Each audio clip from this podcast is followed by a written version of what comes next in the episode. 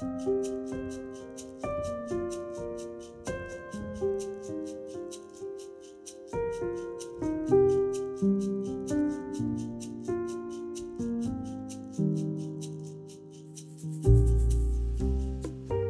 snakket strengt til ham og ba om tie, men han ropte bare enda høyere.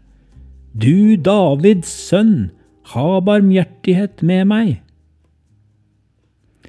For mange år siden gjorde en medstudent og jeg et eksperiment på en leir for unge voksne.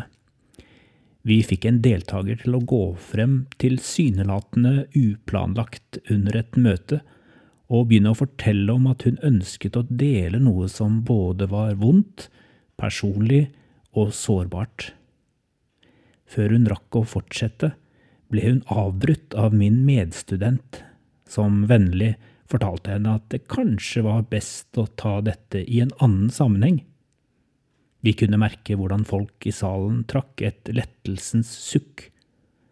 Etterpå ble teksten om Bartimeus lest fra Markusevangeliet kapittel 10, og jeg holdt talen.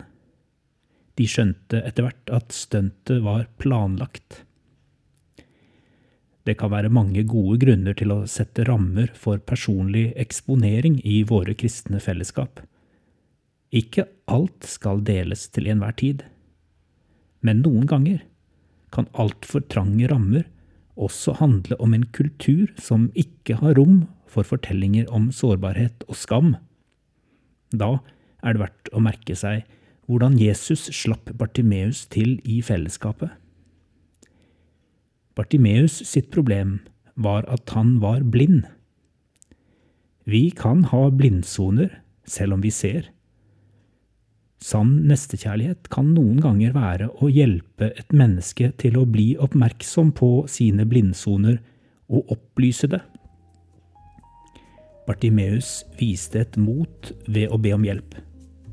Det har gjort han kjent til alle tider. Og han er også opprinnelsen til en av de mest brukte liturgiske bønner verden over. Kyrie eleison, Herre, miskunne deg. Bartimeus betyr Timius' sønn. Sønner og døtre av Timius, det er alle vi som trenger Herrens barmhjertighet. Herren velsigne deg og bevare deg. Herren la sitt ansikt lyse over deg og være deg nådig. Herren løfte sitt ansikt mot deg og gi deg fred.